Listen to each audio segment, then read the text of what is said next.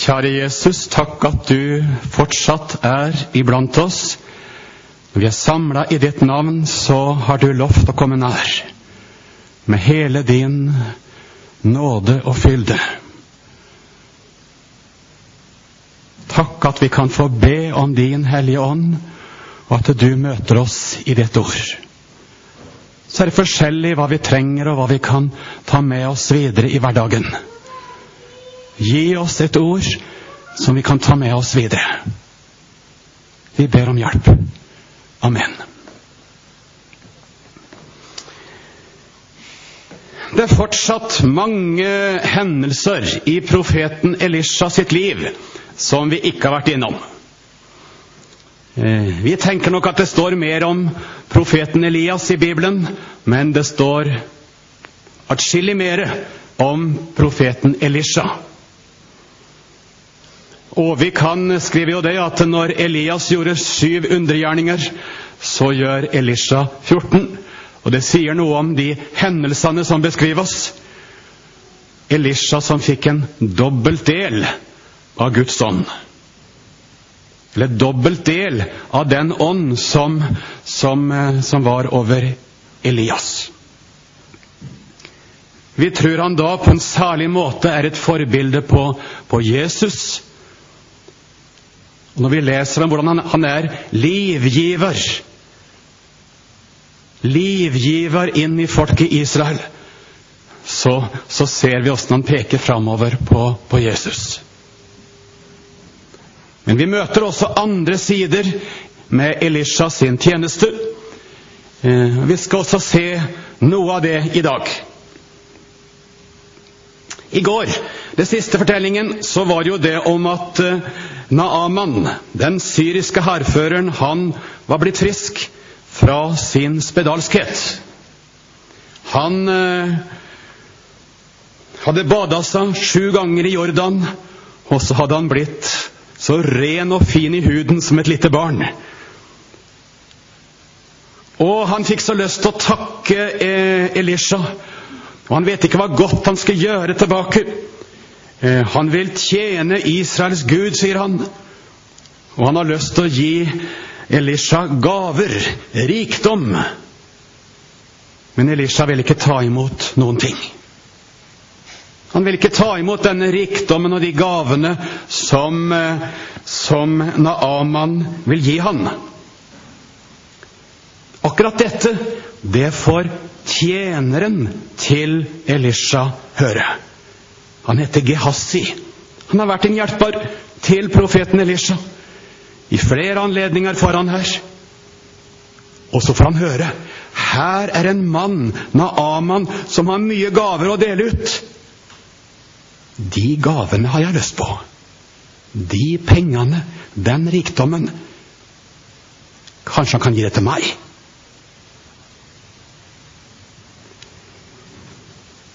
Og så oppsøker han denne Naaman. Det står i andre kongebok, kapittel fem.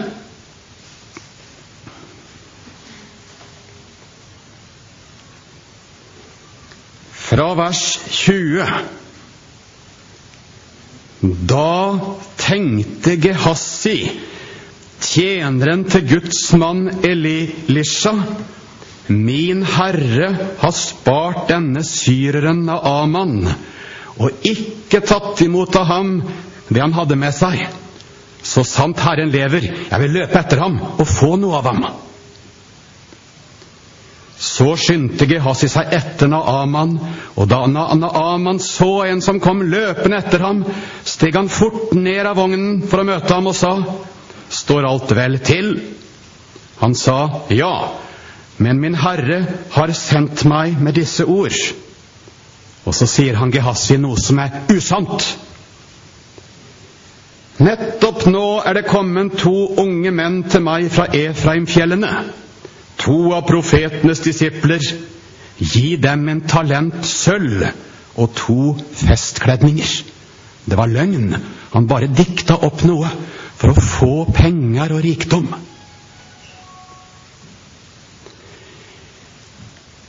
Naaman svarte, vær så snill å ta to talenter. Og han ba ham inntrengende å knytte to talenter sølv inn i to punger. Så tok han to festkledninger og ga dem til to av sine tjenere, og de bar dem foran Gehazi. Så nå har han fått tak i penger og to festdrakter. Da han kom inn til haugen, tok han det av deres hånd og gjemte det i huset. Han tok farvel med mennene, og de dro sin vei. Selv gikk han inn og sto framfor sin herre. Da spurte Elisha ham, Hvor kommer du fra, Gehazi?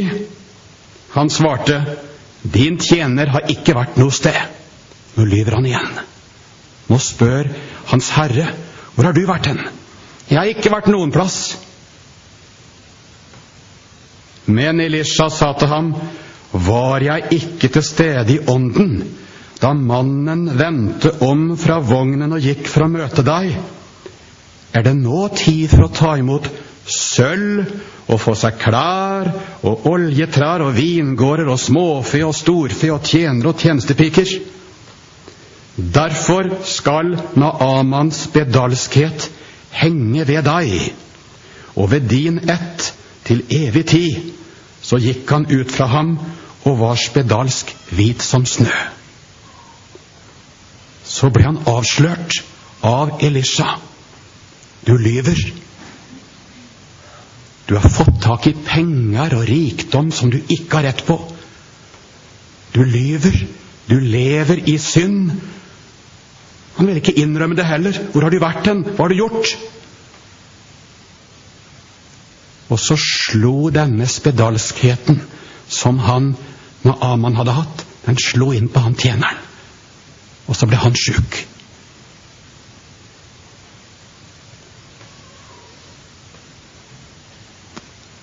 Her møter vi noe av Jesus sitt alvor imot synda. Han var jo en Jesu tjener. Han var jo en, var jo en, en, en kristen. Gehazi. Vi vet ikke nøyaktig åssen han hadde det i hjertet sitt. Han hadde jo hjulpet Jesus i mange anledninger. Men pengene hadde han lyst på, og rikdommen hadde han lyst på. Og da løy han litt. Snakka ikke sant for å få tak i den rikdommen. Og så slo på en måte Guds dom ned over livet hans.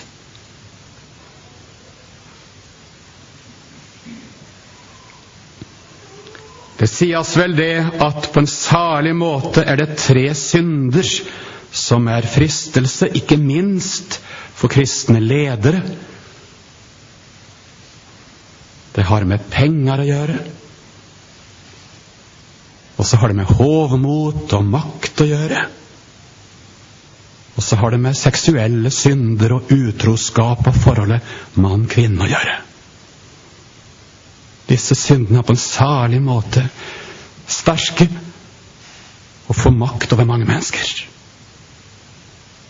Jesus, du må frelse meg. Jesus, du må frelse meg. Det må få være vår bønn. Vi får erkjenne det som er synd i livet vårt, også på disse områdene.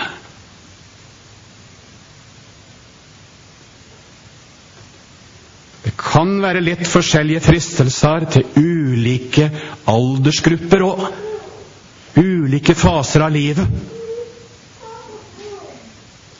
Og I visse faser av livet så er pengene, rikdommen, den store fristelsen. Jeg vil eie, jeg vil ha.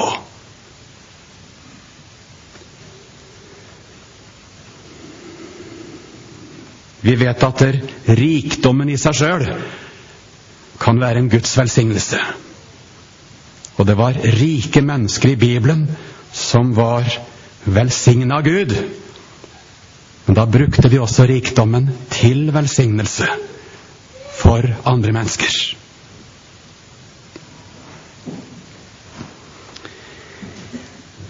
Jeg har faktisk fire små fortellinger til. Dette var den første. Og så har vi et lite trekk fra Det nye testamentet. så får du heller stoppe mer for det etterpå, senere, og gå tilbake liksom og grave mer i fortellingene.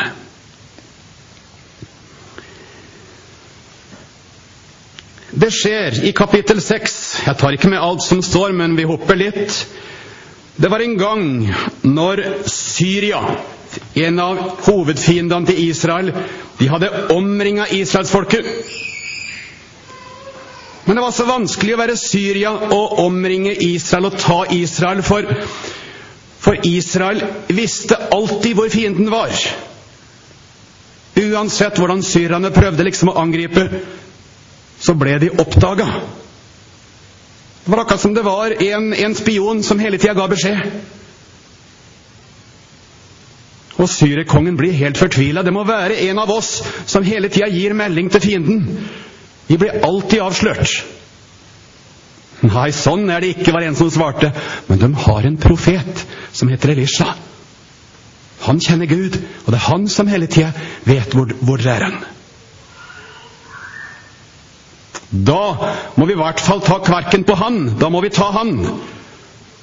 Så da fant syrekongen og, og krigerne ut at da, da er det bedre å, å, samle alle kreftene for å ta han ene profeten, enn å bare bruke tid på å ta eh, Israels krigere. Og da fikk de greie på hvor han eh, Elisha var hen. Og så omringa dem den plassen Elisha var. Mange, mange krigere. Det står i kapittel 6, vers 14. Da sendte kongen dit hester og vogner og en stor hær. De kom dit om natten og omringet byen. Da tjeneren til Guds mann sto opp tidlig om morgenen og gikk ut, fikk han se at en hær med hester og vogner omringet byen. Og tjeneren sa til eh, Elisha, Å, min herre, hva skal vi gjøre? Han svarte, Frykt ikke. De som er med oss, er flere enn de som er med dem. Nei, det gikk jo ikke an. Her var jo bare Elisha og så eh, en tjener. Og så så de rundt seg, så var en hær av krigere. Og så sier han Elisha til tjeneren sin De som er med oss, er flere enn de på andre sida. Skjønte du det? Det var ikke lett å skjønne. De som er, andre, de som er med oss, er flere. Så står det Og Elisha ba og sa, Herre, åpne øynene hans til han tjeneren, så han kan se. Og Herren åpnet guttens øyne, og han fikk se at fjellet var fullt av hester og vogner, av ild rundt omkring Elisha. Oi! Det var en stor hær av krigere som beskytta de. Hvem var det? Hva tror du, Fredrik? Hvem var det? Nei, ikke Fredrik. Jakob. Hæ? Guds hær, ja. Ja. Guds hær. Ja, kanskje det var englene som hadde laga til en stor krigerhær der. For å beskytte beskytte Elisha og tjeneren sin. Tror du at det er Guds engler er flere enn djevelen sine engler? Ja, det er det. De har engler begge to. Satan har engler. Han har en englehær som han rev med seg i fallet når han synda mot Gud. Men det står i Bibelen det at Gud sine engler er flere. Jesus sine engler er flere. Og de er på lag med Jesus, han som er den aller sterkeste. Som har seira over djevelen da han tok våre synder på korset.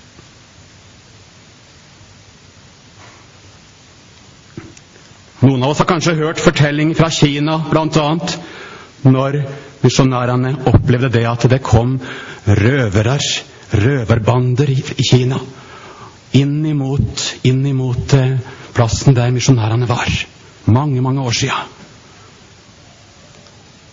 Og så kom de ikke inn i byen og tok misjonærenes liv. De ble stoppa av en, av en hær rundt byen.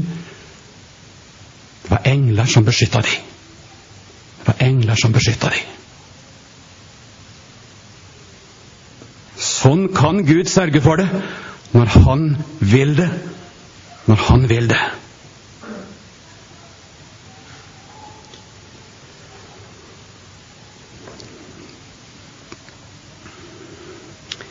Um,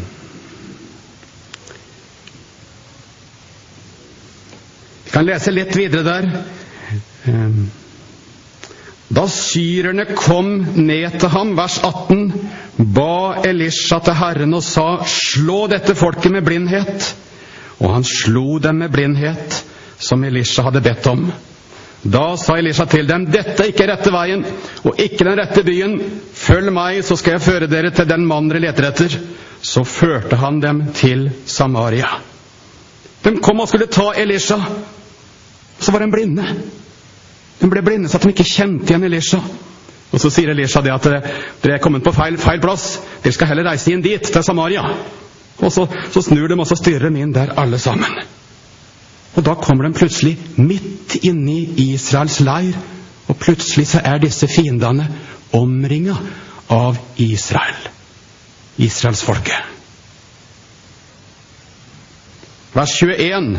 Da Israels konge så dem, sa han til Elisha, skal jeg hogge dem ned, min far, skal jeg hogge dem ned? Han svarte, du skal ikke hogge dem ned. Hogger du vel dem ned som du gjør til fange med ditt sverd og din bue? Sett brød og vann framfor dem, så de kan ete og drikke, og så vende tilbake til sin herre. Så istedenfor liksom å slå ned sine fiender, så, så tok de og så ga dem mat og drikke, og så sendte de dem hjem. Så kom de ikke tilbake på lang tid. Så kom de ikke tilbake på lang tid. Istedenfor å på en måte hevne seg mot dem, så på en måte velsigna han dem. Og så reiste de hjem, og så ble det fred. Det var fint. Sånn gjør Jesus. En fortelling til. Da har vi kommet til kapittel åtte. Da har det blitt vanskelig igjen i forhold til disse syrerne.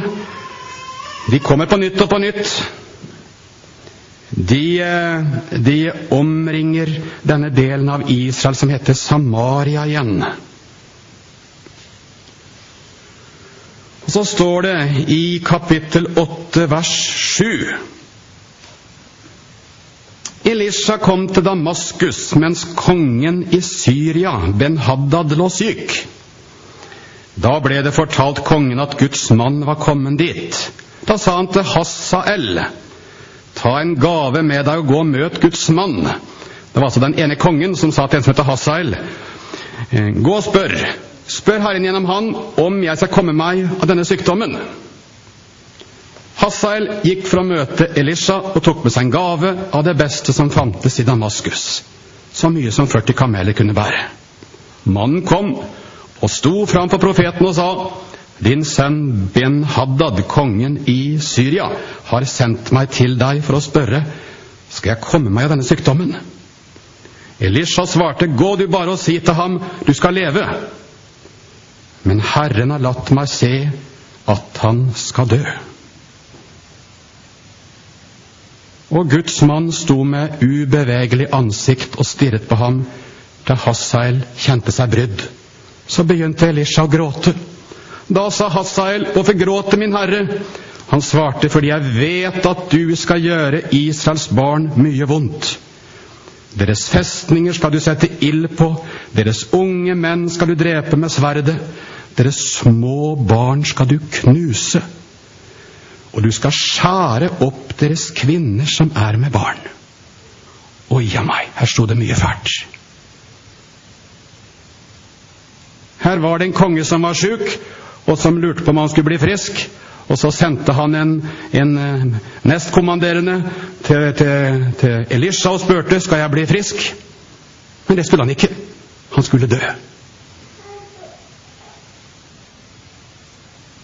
Og så begynner denne profeten å gråte når han snakker med denne utsendingen. Ikke over det at kongen skulle dø, men det var han som skulle overta etter han. Han her som heter Hassael, han skulle gjøre israelsfolket så mye vondt. Guds folk så mye vondt. Og da gråt Elisha. Da gråt Elisha. Vi tenker på det at han er et forbilde på Jesus. Han gråter når hans folk har det vondt. Det er ikke uvedkommende for Jesus når du har det vondt. Vanskelig på en eller annen måte. Han gråter med dem som lider. Han vil være din trøster, hjelper.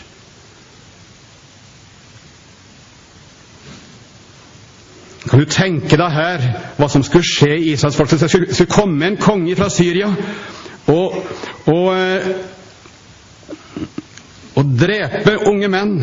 Små barn skulle de knuse, står det. Og til og med barn i mors liv skulle de drepe. Til og med liksom noe av det verste, står det. Til og med barn i mors liv skulle de drepe. Så grusomt.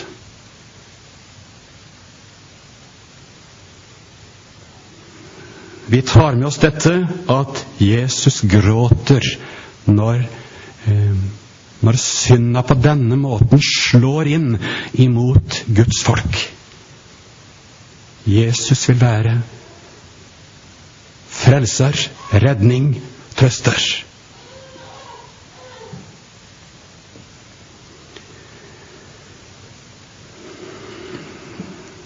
Det var tre fortellinger. Vi har to igjen.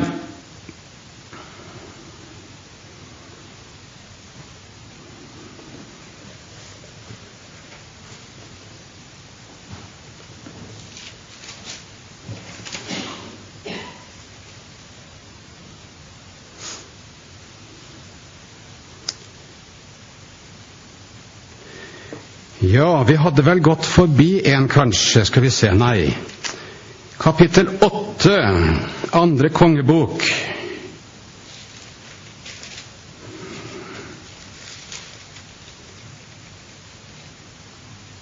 Nei, kapittel sju var det. Der hadde jeg gått forbi en fortelling. Det får våge seg. At vi går tilbake. Kapittel sju. Der var det slik at, at det var hungersnød i, i Samaria. Det var slik at de var omringa av syrerne på nytt igjen.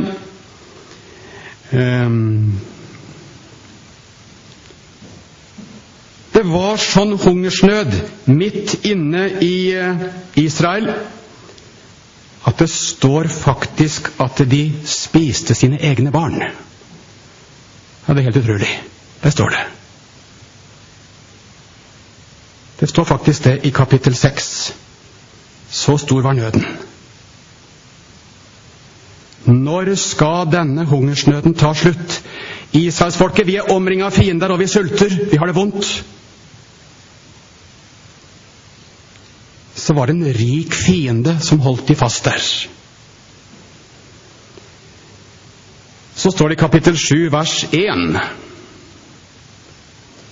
Da sa Elisha, Hør Herrens ord, så sier Herren, i morgen på denne tid skal ett mål fint mel være å få for en sekel, og to mål byggmel for en sekel i Samarias port. Nå skal hungeren ta slutt. Nå skal hungeren ta slutt. I vers 3 står det Foran byporten var det fire spedalske menn. De sa til hverandre, Hvordan skal vi, hvorfor skal vi bli sittende her til vi dør? Sier vi, vi vil gå inn i byen, så er det hungersnød i byen, og vi må dø der. Blir vi sittende her, må vi også dø. Så kom nå og la oss gå over til syrernes leir. Lar de oss leve, så lever vi. Dreper de oss, så dør vi. De spedalske de var jo jaga ut av, av Israels leir, for de var urene. Så satt de der på utsida liksom og så på og, og sulta og hadde det vanskelig, de òg. Går vi ned i byen til vårt eget folk, da går det bare galt. Vi kan like godt gå til fienden, vi. Bort til syrerne. Så gikk de den veien. Men så hadde det skjedd noe. Syrerne hadde plutselig fått se en, en, en hær av vogner og hester komme imot dem. Gud hadde på en måte vist dem noe merkelig. Og så hadde de bare rømt av sted. Og så kommer da de fire spedalske, der som syrerne hadde vært. Oi, her er det jo masse rikdom! Og vi trodde at vi kom til å gå til grunne uansett hva vi gjorde. Så står det i vers 8. Da de spedalske kom til utkanten av leiren, gikk de inn i et telt og åt og drakk. De tok sølv og gull og klær og der, og gikk tilbake og gjemte det.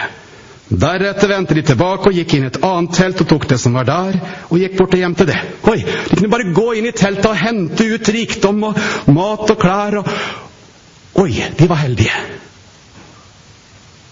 Men så sa de til hverandre Det er ikke rett, det vi gjør.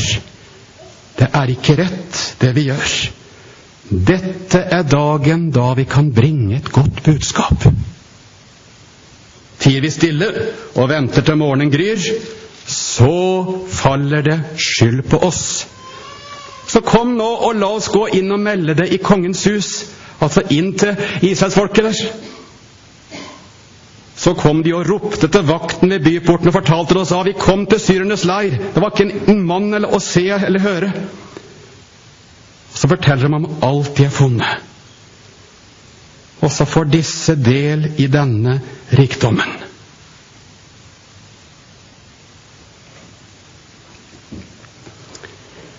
Jeg syns de var litt dumme, ja. De fant jo så mye rikdom også. De skulle tatt det sjøl. De skulle bare beholdt det sjøl. Syns du ikke det? De skulle bare beholdt det sjøl. Nei, det var ikke rett, sa de. Vi må dele med de andre. Å, det er så mange som sulter. Å, det er så mange som trenger hjelp. Vi må dele med de. Det slo liksom inn i hjertet deres. Vi må dele. Å, det er så mange andre som trenger hjelp. Vi har funnet en stor skatt, en stor skatt.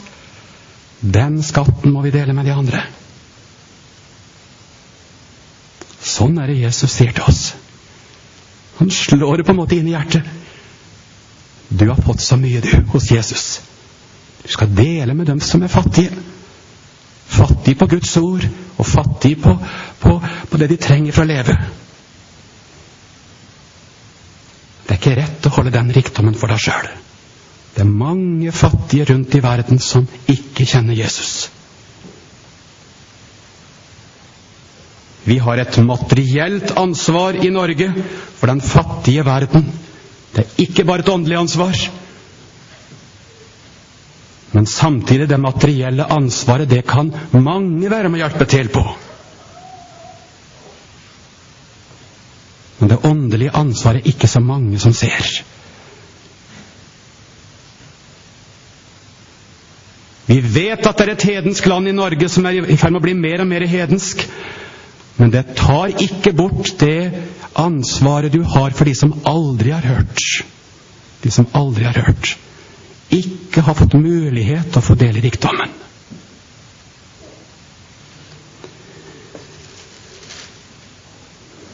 Den siste fortellingen Det står i kapittel 13. Det er mye senere, rett før Elisha dør. Rett før Elisha dør. Vers 14. Da Elisha var blitt rammet av den sykdommen som han døde av, kom Israels konge Joas ned til ham. Han bøyde seg over ham, gråt og sa, Min far, min far, Israels vogner og ryttere. Da sa Elisha til ham, Hent en bue og noen piler. Så hentet han en bue og noen piler til ham. Og han sa til Israels konge, Legg din hånd på buen. Og han la sin hånd på den, og Elisha la sine hender på kongens hender. Så sa han, Lukk opp vinduet mot øst. Og han lukket det opp. Da sa Elisha, 'Skyt!' Så skjøt han. Da sa han, 'En frelsens pil fra Herren'. En frelsens pil mot syrerne. Du skal slå syrerne i Afek og gjøre ende på dem. Ei frelsens pil. Det var det jeg hadde lyst til å ta fram. Han, eh, han gir kongen, og han formidler ei frelsens pil.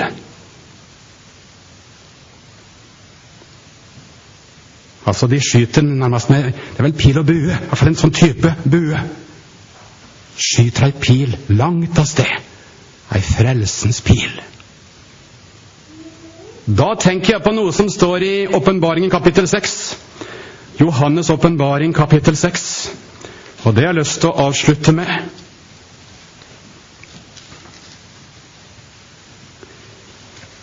Da er vi i starten av den store trengselstida i endetida. En del troende vil nok tenke at vi ikke skal oppleve den, at vi skal bli rykka bort og liksom bli spart for den. Jeg tenker vel helst at Guds ord taler vi skal inn i den store trengsel. Det står i starten av kapittel 6 Og jeg så da lammet åpnet ett av de sju seil, og jeg hørte ett av de fire livsvesener si som med tordenrøst kom.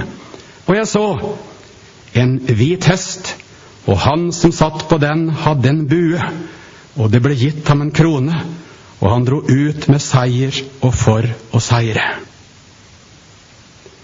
starten, når det skildres alt det vonde som skal skje i endetida før Jesus kommer tilbake, så står det om en rytter på en hvit hest som drar ut med seier og for å seire. Han har en bue, og han skyter frelsespiler. Noen tenker det at det der kan ikke være Jesus, for han har sverdet. Ja, han har sverdet. Men vi leste fra Det gamle testamentet og at det er noe som heter frelsespilers. Bue og pil, det var det mest langtrekkende våpen i den gamle tida. Jeg tenker at Jesus har både sverdet Det er det sterkeste våpenet i, i, i det nære, i nærkampen. Men han skyter også piler langt utover. Begge delene er jo et bilde på Guds ord, Guds frelsesbudskap. Men jeg syns det er så fint å tenke på det at om det skal skje mye vondt i endetida, om det skal skje mye vondt i ditt liv, så er det en rytter på en hvit hest som rir ut med seier. Når det står om vonde ting som skjer, så er det faktisk han som kalles lammet, som styrer, kontrollerer det. På en måte styrer hele endetidsprosessen. Og så står det i kapittel 19 om rytteren på den hvite hest som kommer tilbake. Hans navn er Guds ord. Hans kledning er dyppa i blod, står det. Og så kommer han for å hente sine hjem. Men liksom det at det kan se mørkt ut på mange kanter. Det går tilbake med Guds rike. Nei, det gjør det ikke. Ja, ytre sett så kan det se sånn ut noen ganger. Men det er en rytter på en hvit hest og med et sverd og med ei pil som på en måte går framover med seier.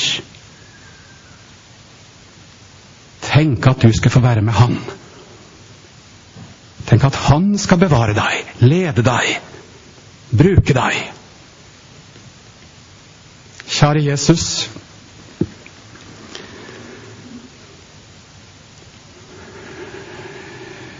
Takk for det som står i Det gamle testamentet om deg.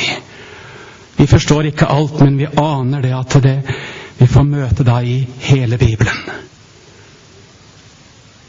Og vi ber om at det får tale inn i hjertet vårt, og at fortellingene får, får lyse for oss når vi aller mest trenger de. Om alvoret med å synde, men om din barmhjertighet og nåde og din makt. At det får være på de side, det, da har vi den sterkeste på vår side. Og vi har en englehær som vil beskytte. Hjelp oss å se noe av denne storheten og rikdommen. Og at vi må dele det vi har funnet. Vi ber om at du får legge nøden for verden og ulike tjenester som du leder oss inn i. Om det er innenfor skole eller helse eller fattige eller forkomne eller hedningefolk. Du må legge det innover oss. Amen.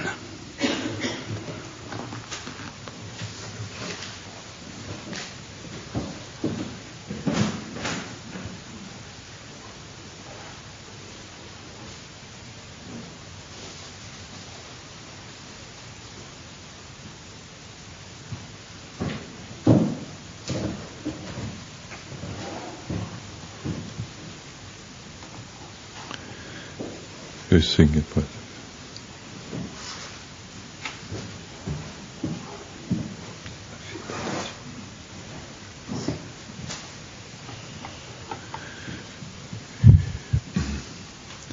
Vi får vente litt med å takke han Tor skikkelig, tror jeg. Men vi takker for det vi fikk sitte og høre igjen. Engeseth har vært nevnt før.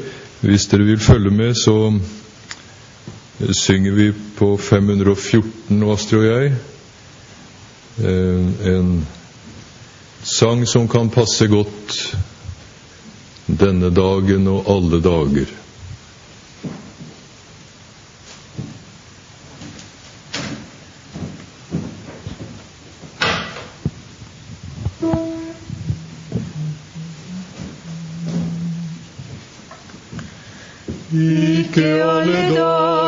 Er like, alle på glede er rike.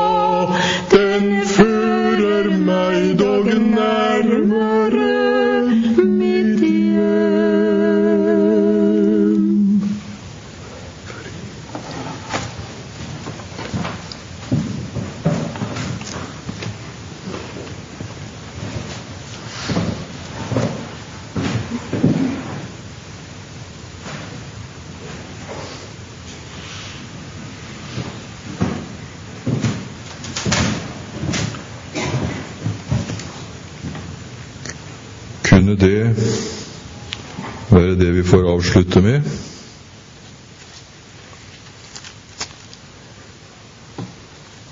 Det vi har fått høre og oppleve her, at det kunne være med på å føre oss nettopp stadig nærmere Han, som er veien.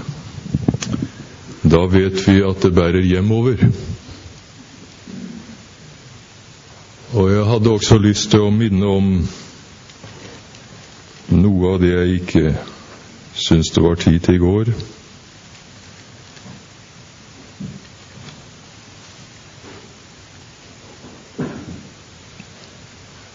Det er ei hånd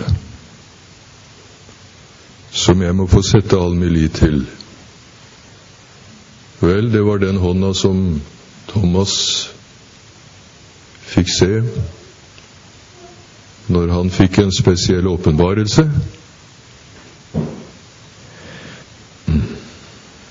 Men så står det Og Jesus ropte med høy røst og sa Far,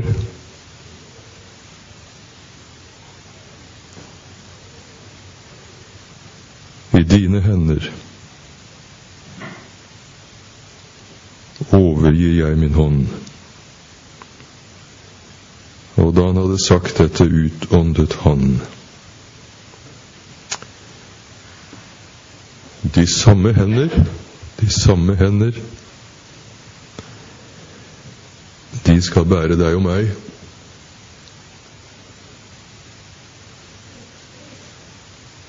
Og de skal få være vår trygge tilflukt i dager som kommer. I alle dager og i evigheten.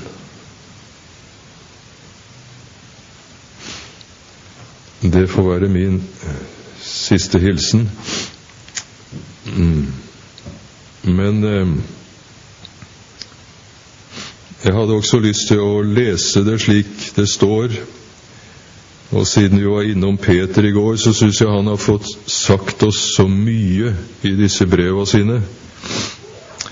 Og han skriver også derfor, brødre, legg enn mere vind på å gjøre eders kall og utvelgelse fast. For når dere gjør disse ting, da skal de ingensinne snuble. For på denne måte skal det rikelig gis eder inngang i vår Herre og Frelser Jesu Kristi evige rike.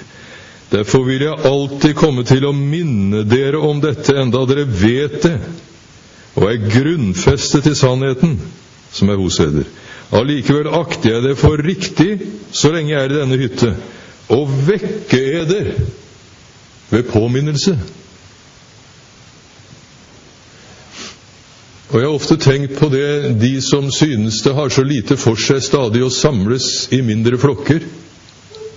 Ja, hvor hadde jeg vært den hvis jeg ikke fikk ha disse oppbyggelsene? Og så avgjørende viktig er det at Peter må si det, allikevel akter jeg det for riktig så lenge jeg er i denne hytte, og vekke det ved påminnelse. Og hvor viktig det er også, som, som vi har opplevd i denne samlingen her, stadig å vekkes ved å bli påminnet. Og det å leve i vekkelsen må jo være det normale for oss Guds barn på vandringen.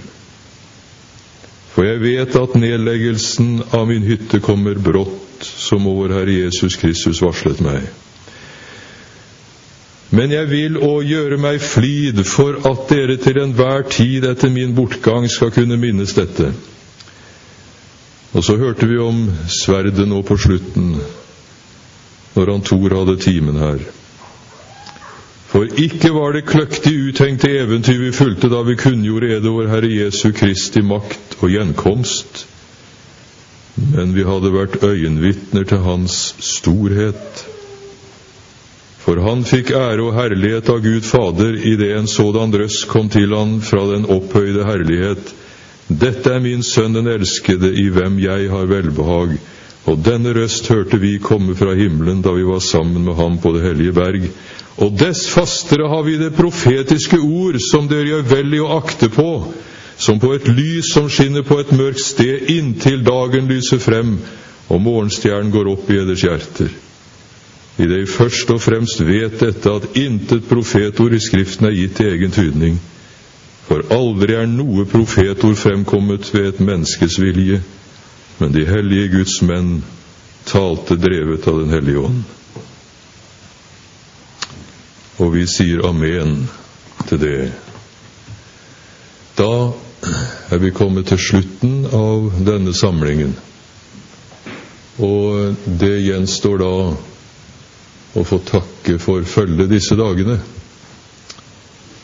Han Øyvind er ikke her, så han får vi ikke rettelig takka slik. Men Tor, du som har hatt ansvar for å stå her og bære fram ordet, vi takker deg hjertelig for det du har fått gi oss. Vi forstår godt at du arbeider med ordet, og at ordet arbeider med deg. Det er lett å merke. Og du får lagt det fram så oversiktlig at det er godt å følge med. Og det å bli lokka inn i disse skriftene fra Gamle testamentet, det er en usigelig stor rikdom. Det systematiske, det sammenhengende, å få det slik på denne måten, det er stort. Paul, har du sjefslederen her? Må du ta med deg han? Kjetil, og du kommer fram?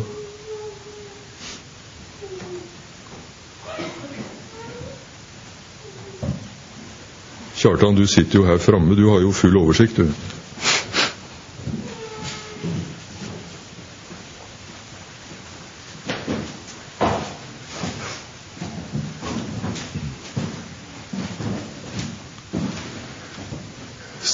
Karer er vel ikke lett å finne?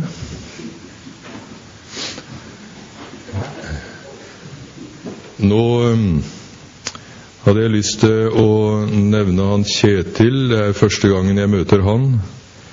Han skulle hatt med seg sin Sissel, men de har nok å styre med, så du må hilse henne så mye, Kjetil. Og så um, er det stort for oss å merke at eh, et leirsted som dette har eh, bestyrerfolk som passer så godt inn i oppgaven, og som tar så godt imot oss. Og mm, det smilet som dere har, det varmer oss som kommer hit. Og det virker som eh, det er ikke noe tung oppgave. Det er en oppgave, et kall, de har fått, og vi merker også det. Og um, når det er slik, så er det faktisk også på en måte slik at det kommer tilbake til oss, en type takknemlighet. Et ørlite ord, eit av de minste i målet til mor. Det motsatte er det av klagende akk.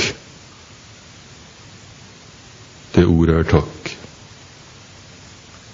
Om lite det er, så rommer det i seg så veldig ei vær. Fra hjarta ditt gikk mitt hjarta det rakk. Et stort, edelt takk.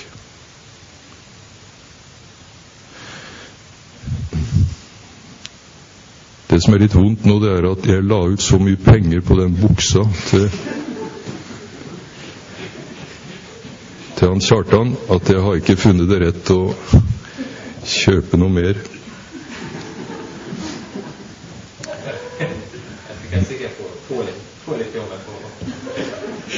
Men jeg håper det, Kjetil, at du kjenner at vi gjerne vil takke deg og din gode hustru. Må Herren signe dere på denne plassen og den store oppgaven dere har fått. Hjertelig takk. Og Paul, takk for du har stått på som du har gjort. Jeg er sikker på at her er det yngre mennesker som har fått en verdifull kontakt. Og jeg tror de har hatt det veldig godt i lag. Og takk for at eh, du har vært så grei. Likeens. Kjartan, det er jo egentlig du som er sjefslederen her. Det eh, veldig fint du tok dette. Takk for at jeg fikk lære deg å kjenne. Og jeg synes stort sett du har vært grei. Da må vi få si takk til deg og Gunnar. Jo, det Jeg kjenner jo heller ikke Gunnar uh, før. Hadde aldri sett mannen før. Og som jeg sa her en dag, jeg syns han så ganske alvorlig ut når han sto her første kvelden, men uh, han er mye mer enn det, som jeg sa. Han er mye mer enn det. Og det er bra med folk som uh, spiller på mange strenger. Så takk for at du kom, Gunnar. Det var veldig kjekt å møte deg. Og Astrid òg. Ja. Og høre dere synge. Så hjertelig takk, og lykke til hjemme igjen. Og takk for buksa, da. Og hvis, du, trenger noe reisepenning, vet du, så kan jeg jo etter den shortsen så kan jeg sikkert hjelpe deg med det.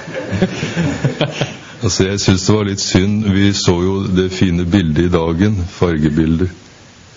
Og da Det var, det én ting som mangla. Vi skulle hatt et bilde av den fargerike buksa. Det siste vi lar skje her, det er at vi forener oss i sangen på 870. Og så blir vi enige om at vi lytter og lytter. Jeg var på en samling for noen år siden. Eh, Var på en annen kant av landet og eh, fikk se ei annonse. Og det var en samling og en sammenheng som eh, eh, ga rom for eh, mennesker fra ulike leirer. Og det var ikke veldig mange jeg kjente, det var et par-tre ansikt, men det var en stor forsamlingssal. Og så mm, ble det foreslått en sang, og alle reiste seg. Og rundt meg så sto det både kvinner og menn i forskjellige aldre, og de sang av full kraft. Og jeg kjente at her er vi sammen. Hva sang vi? Se, han kommer. Se, han kommer. Fikentre varsler sommer. Vår forløsningstime kommer. Jeg vil lytte. Jeg vil lytte etter lyden av hans trinn. Så synger vi den til slutt.